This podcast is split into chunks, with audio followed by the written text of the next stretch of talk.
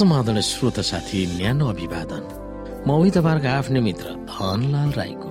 श्रोता साथी आज पनि म तपाईँको बिचमा बाइबल सन्देश लिएर आएको छु। आजको बाइबल सन्देशको शीर्षक रहेको छ दशांशको सम्झौता।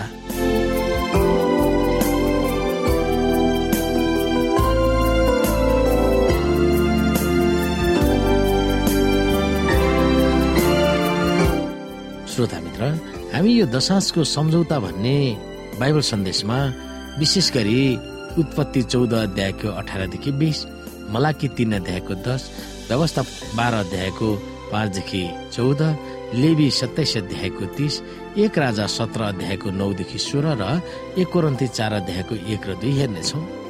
र यस दशांशको सम्झौता भन्ने बाइबल सन्देशमा हामीले विशेष गरिकन सम्झनु पर्ने पद अथवा मेमोरी गर्नुपर्ने बाइबलीय वर्ष रहेको छ मलाकी तीन अध्यायको दस र एघार। यहाँ भनिएको छ सम्पूर्ण दशांश ढुकुटीमा ल्याऊ ताकि मेरो घरमा भोजन रहोस्। यसमा मलाई जाँचेर हेर सर्वशक्तिमान परमप्रभु भन्नुहुन्छ। म स्वर्गका ढोकाहरू उघारेर पर्याप्त ठाउँ पनि नहुनेसम्मका आशिष तिमीहरूमाथि वर्षाउँछु। अब वर्षाउँदिन। सर्वशक्तिमान परमप्रभु भन्नुहुन्छ। श्रोता साथी सदममा आक्रमण गरेर बन्धक बनाइराखेका आफ्नो भतिजा लोत र उनका परिवार समेत अरू युद्ध बन्दीहरूलाई अब्राहमले सफलतापूर्वक छुट्याएर ल्याएको कथा हामी उत्पत्ति चौध अध्यायमा हेर्न सक्छौ। अब्राहमको उदारीय कार्यदेखि सदमको राजा आभारित भएर युद्धमा लुटेका सबै सामानहरू उनीलाई दिन प्रस्ताव गरेका थिए। अब्राहमले ती सामानहरू लिन अस्वीकार गरे र आफूसँग भएको सबै धन सम्पत्तिको दशांश मल्की सेदकलाई दिएका थिए। अब्राहमले दशांश दिएको लगतै परमेश्वरले उनलाई यो वचन सुनाउनु भयो अब्राहम तिमी नडराउ। तिम्रो ढाल म नै हो र तिम्रो इनाम अत्यन्त ठुलो छ।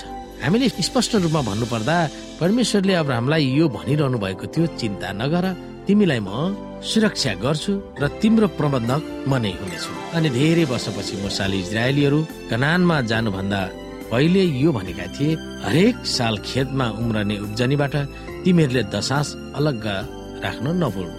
जुन स्थानमा परमप्रभु तिमीहरूका परमेश्वरले आफ्नो नाउँको वासस्थानको निम्ति छान्नुहुन्छ त्यही आफ्ना अन्न दाखरस र तेलको दशास र आफ्ना गाई बस्तु र भेडा बाख्राका पहिले जन्मेका बच्चा उहाँको सामुन्ने खानु। यसरी नै तिमीहरूले परमप्रभु तिमीहरूका परमेश्वरको भय सधैँ मान्न सक्नेछौ।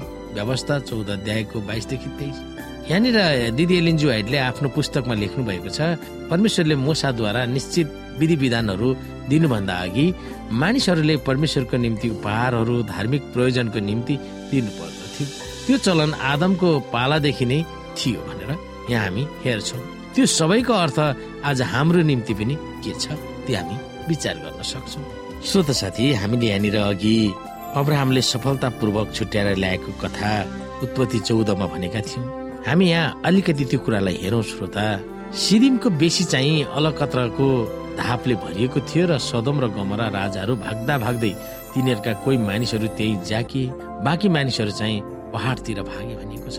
ती चार राजाहरूले सदम र गमरामा जम्मै माल सामान र खानेकुरा लिएर आफ्नो बाटो लागे। उनीहरूले सदममा बसेका अब्राहमका भतिजा लोतलाई पनि तिनका सबै माल सामान समेत लिएर गए। उम्केर भागेको एकजनाले आएर हिब्रू अब्राहमलाई यो कुरा बताइदियो। तिनी श्लोक र आनेरको भाइ एमरीको ममरेका फलाटका रुखहरू लिएर बसेका थिए। तिनीहरू अब्राहमसित मित्र भावमा थिए। अब्राहमले आफ्ना नातेदारलाई कैद गरेर लगेको कुरा सुनेर आफ्नो घरमा जन्मेर तालिम पाएका तिन सय अठार दासहरूलाई साथमा लिएर उनीहरूलाई दान समय खेदेर गए। तिनले शत्रुहरूमाथि आक्रमण गर्न राति आफ्ना दासहरूका बीचमा दलदल बनाए र उनीहरूलाई परास्त गरे। दमस्कसको उत्तरतर्फको होवासम्मै उनीहरूलाई खेदे। तिनले सबै माल सामान र तिनका नातेदात लोतलाई र तिनका धन सम्पत्ति स्त्रीहरू मानिसहरूलाई समेत पनि फर्काएर ल्याए। कदोरला ओमेर र तिनका मित्र राजाहरूलाई जितेर फर्कँदा साबेको उपत्यकामा अर्थात् राजाको उपत्यकामा सदमका राजा तिनलाई भेट गर्न आएको। अनि सालेमका राजा मल्की सेदेक रोटी र दाखमद लिएर अब्राहम कहाँ आए। उनी सर्वोच्च परमेश्वरको पुजारी थिए। उनले अब्राहमलाई यसो भनेर आशीर्वाद दिए। स्वर्ग र पृथ्वी सृष्टि गर्नुहुने सर्वोच्च परमेश्वरबाट अब्राहमलाई आशिष मिलोस्। सर्वोच्च परमेश्वर धन्यका हुन्। जसले तिम्रा शत्रुहरूलाई तिम्रा हातमा सुम्पिदिनु भयो अनि अब्राहमले उनलाई सबै कुराको दशांश दिए भनेर हामी यहाँ हेर्न सक्छौँ। र श्रोता हामी यहाँ पाउन सक्छौँ कि अब्राहमले जे जे कुराहरू प्राप्त गरे ती कुराहरूको दशांश परमप्रभु परमेश्वरमा दिए भनेर हामी यहाँ हेर्न सक्छौँ। ती कुराहरूमा हामी विचार गर्न सक्दछौँ।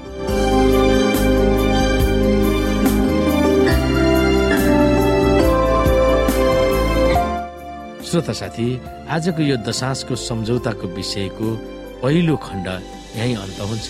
हस्त नमस्ते जय मसिंह।